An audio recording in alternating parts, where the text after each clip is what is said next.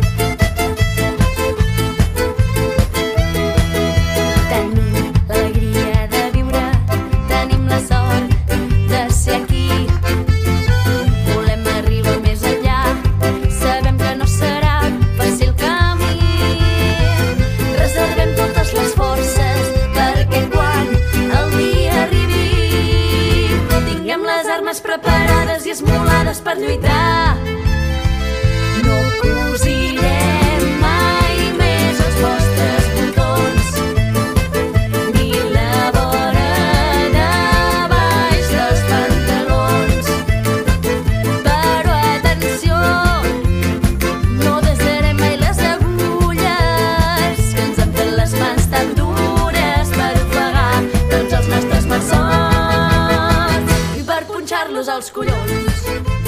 Som-hi va, en aquest ritme amb la roba estesa, nosaltres el que fem és seguir conduint el programa, ara amb l'espai 2030, l'espai que ens permet agafar l'agenda de les Nacions Unides. El que farem serà aturar-nos als estudis de la nova ràdio de Reus, perquè allí tenim el nostre company Aleix Pérez. Aleix, bona tarda, bon dimarts. Molt bon dimarts, Eduard. Escolta, amb aquesta sintonia que Sí, sí. acostumem a llançar cada 15 dies Mm. en aquesta hora, vol dir que el que farem serà posar damunt la taula, eh, posar damunt la taula polítiques eh, feministes, polítiques d'igualtat, en definitiva. Efectivament, i de fet avui inclús doncs, marcar una, una data al calendari, que ja saps que ens agrada molt això també de, de marcar i encerclar al calendari una, un dia molt important, i és que el 28 de juny és el Dia Internacional de l'Alliberament Sexual i, i de gènere, com has comentat tu, també es pot englobar dintre de l'ODS número 5, dedicat a la igualtat entre persones, i per parlar d'aquest dia, d'aquesta data, d'aquesta... No sé si celebració o no, ja ho arribem d'aquí una estona, tenim a l'Olga, membre del col·lectiu Cau de Llunes. Molt bona tarda, Olga. Bona tarda. crec que a vegades és molt important aturar-nos a les paraules, que al final expliquen moltes coses. Quina és la importància d'aquesta paraula, de l'alliberament? Encara hi ha molts condicionants dels quals ens hem d'alliberar?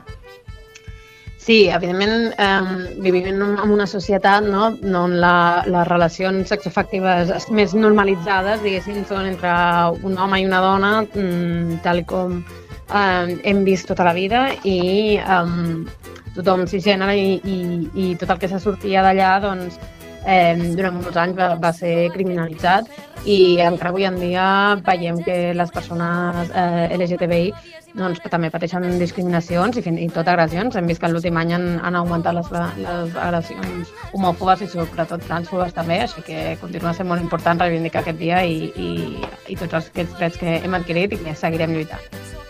Mm, Perquè tu comentaves de tot això d'aquestes aquestes agressions que malauradament doncs, han augmentat, ja sigui físiques, verbals o, o per xarxes de manera constants, entenc que també és, és, és xocant i també una mica un reflex de que no s'està normalitzant, no s'estan fent els deures.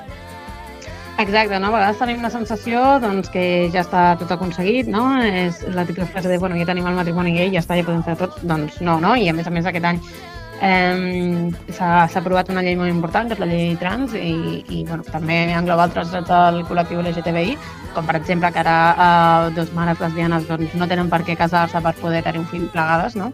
a través de la Seguretat Social. S'ha avançat molt a nivell legal, però veiem que hi ha un, una resposta reaccionària a tots aquests avanços que, que pateixen les persones en l'espai públic, sobretot també, per exemple, moltes agressions han estat al, en llocs d'oci nocturn o fins i tot al transport públic. Vull dir que eh, la gent que, que perpetua aquestes agressions se sent eh, legitimada per fer-ho, perquè estan fent-ho en llocs públics. Doncs imagina't, no?, doncs, eh, tot el que ens queda per avançar.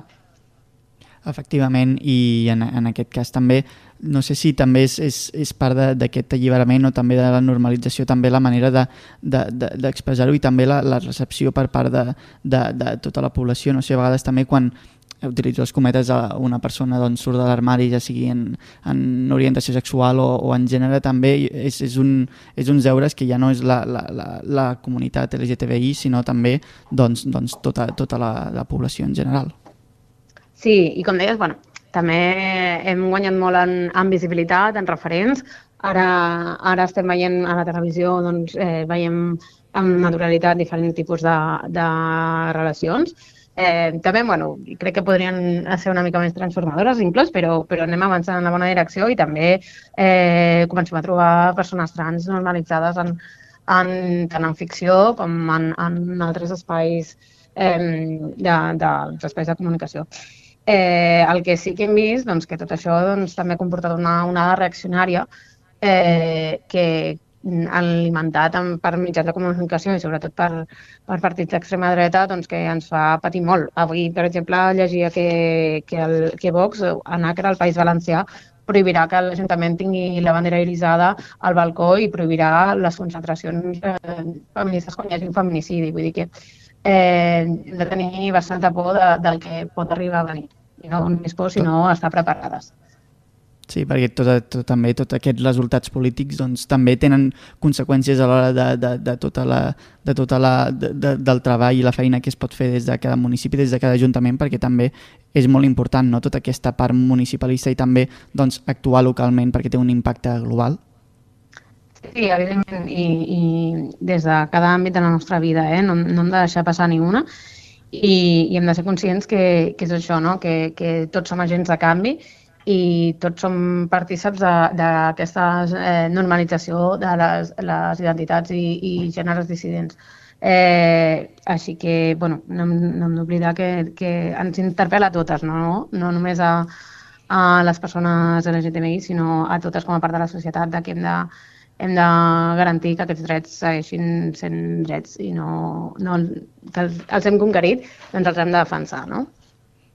Efectivament, perquè una cosa, jo també una vegada vaig entrevistar a un, a un noi trans també i em va, fer una, em va explicar una frase que m'ha marcat molt, que clar, tu pots tenir la condició, tenir un, un gènere el que, el que decideixis, però al final, com que vas coneixent gent nova, com que vas movent en diferents ambients, és com si constantment haguessis de reafirmar la, mm. la, la persona que ets i crec que també a vegades també és, és, és feina de, de, de, de, de, de la societat com a tal, no? tenir normalitzar una mica facilitar tota aquesta feina que per, per, aquest, per aquesta gent que, que pateix aquestes situacions doncs, es faci de la manera menys, menys pesada possible. Sí, sí, totalment, no? I, i per això totes ens hem de sentir interpel·lades aquest 28J eh, i, i això, entendre que, que, que els temps han canviat, per sort, eh, i, i que és, és necessari eh, també en, en temes sobretot d'educació, que sempre parlem molt en aquest programa, eh, seguir tractant aquests temes i, i naturalitzar-ho perquè fer-ho el més fàcil possible per totes aquestes persones, no? Sí, i a més un altre aspecte també que és dins un seguit de condicionants és també el, paper de les empreses ja hem vist tots com al començar el juny doncs es posaven els respectius logos amb la bandera, s'han fet promocions també, reforçar aquesta imatge és, és positiu pel, pel col·lectiu o, o fa un mal servei a, a la lluita?